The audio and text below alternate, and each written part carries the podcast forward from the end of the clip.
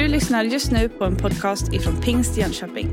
Vi hoppas att denna undervisning kommer att hjälpa dig att växa i din personliga relation med Gud. Hej, då är ni välkomna tillbaka till Radio Vättervåg. Det är Pingstkyrkan i Södra Vätterbygden som sänder tillsammans och jag heter Tobias Karlager, pastor i Pingstkyrkan i Ölmstad. Och eh, vi är på väg i en resa i psalm 23 i den första versen. Och vi har kommit hela vägen till det tredje ordet.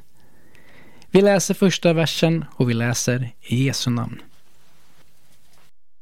Herren är min herde. Mig ska inget fattas. Det står att Herren är min herde.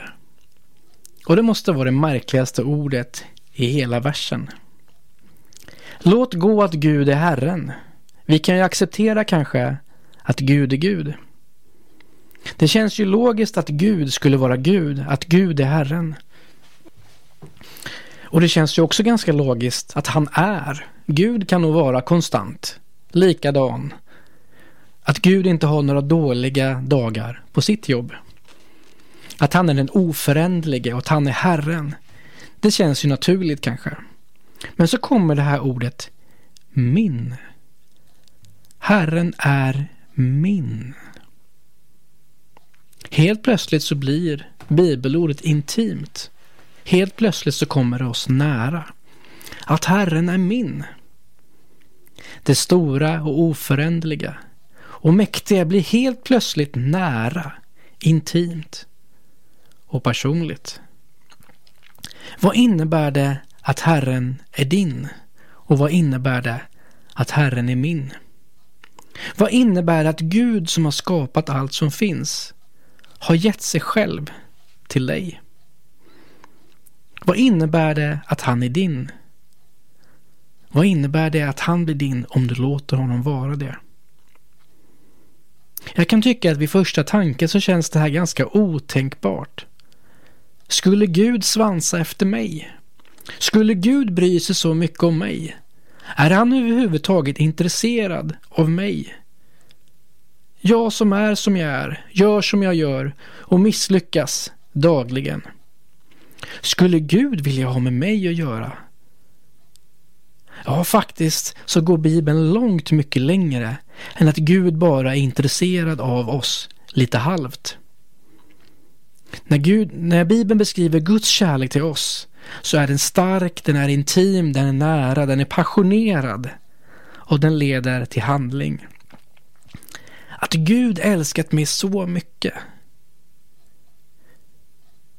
Det lustiga är att när Jesus, som kom som Herren till sina lärjungar,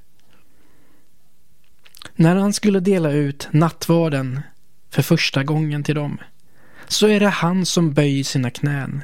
Det är han som faller ner. Det är han som tvättar sina lärjungars fötter. Det låter ju otänkbart och rent av befängt. Skulle Gud ha gått ner på knä? Skulle han ha velat fria och bett om våran hand? Skulle han vara så intresserad av dig och mig? Skulle han som är Herre kunna tvätta mina fötter?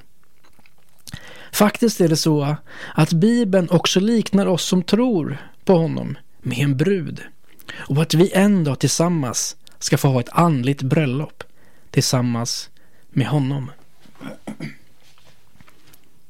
Om vi gräver lite i det judiska bröllopet, ketuba, så var det så att efter förlovningen så gick brudgummen i förväg för att förbereda allt inför äktenskapet skulle fullbordas.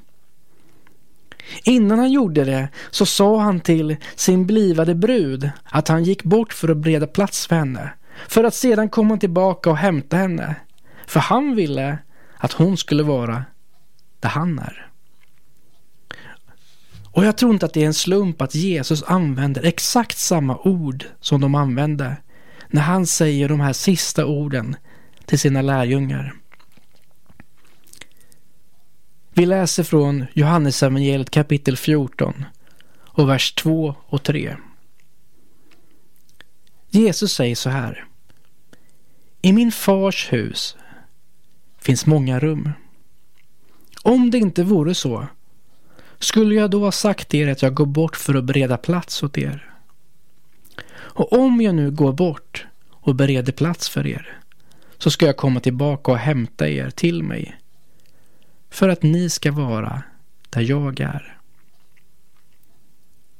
Här ser vi hur Guds kärlek, hur Jesu hjärta, hur det som Gud egentligen längtar efter med oss är så pass mycket djupare och så pass mycket intimare än att vi skulle stå i Guds hejaklack. Gud vill inte bara ha in dig och mig i sin hejaklack. Han vill ha in oss i sitt hjärta. När Bibeln beskriver relationen som vi ska ha till Gud och till våran Herre Jesus så säger den att vi ska vara i honom och att han ska vara i oss. Jesus älskar dig och han älskar mig. Jesus vill vara din och han vill att du ska ge dig själv till honom. Det är inget lagiskt och hårt och tungt utan det är resultatet av en passionerad kärlek från Gud som har möjlighet att träffa ditt och mitt hjärta. Det som händer efter Jesus har sagt de här orden det är att han går till korset och bereder plats för oss. Inte att vi ska få komma in i hans hejaklack utan att vi ska få vara med på ett himmelskt bröllop. Att vi ska få komma in hem till honom. Att vi ska få bo hos honom. Att vi ska få vara i hans hjärta. Guds kärlek till dig och mig är så pass mycket djupare och större än vad vi kan förstå. Det är inget som vi egentligen kan förstå. Den verkar ju ologiskt när vi tänker. Skulle Gud vara så intresserad av mig? Skulle han vilja ha med mig att göra? Nej, rent logiskt har vi nog svårt att få till det här i huvudet. Ändå så är det en sanning. Ändå så var det det som Jesus sa och gjorde. Ändå så är Guds kärlek mycket djupare och större än vad vi kan förstå. Vi kan inte förstå den, däremot så kan vi erfara den. Bibeln säger att vi ska lära känna den. Bibeln uppmanar oss att ta emot den, att ta emot honom.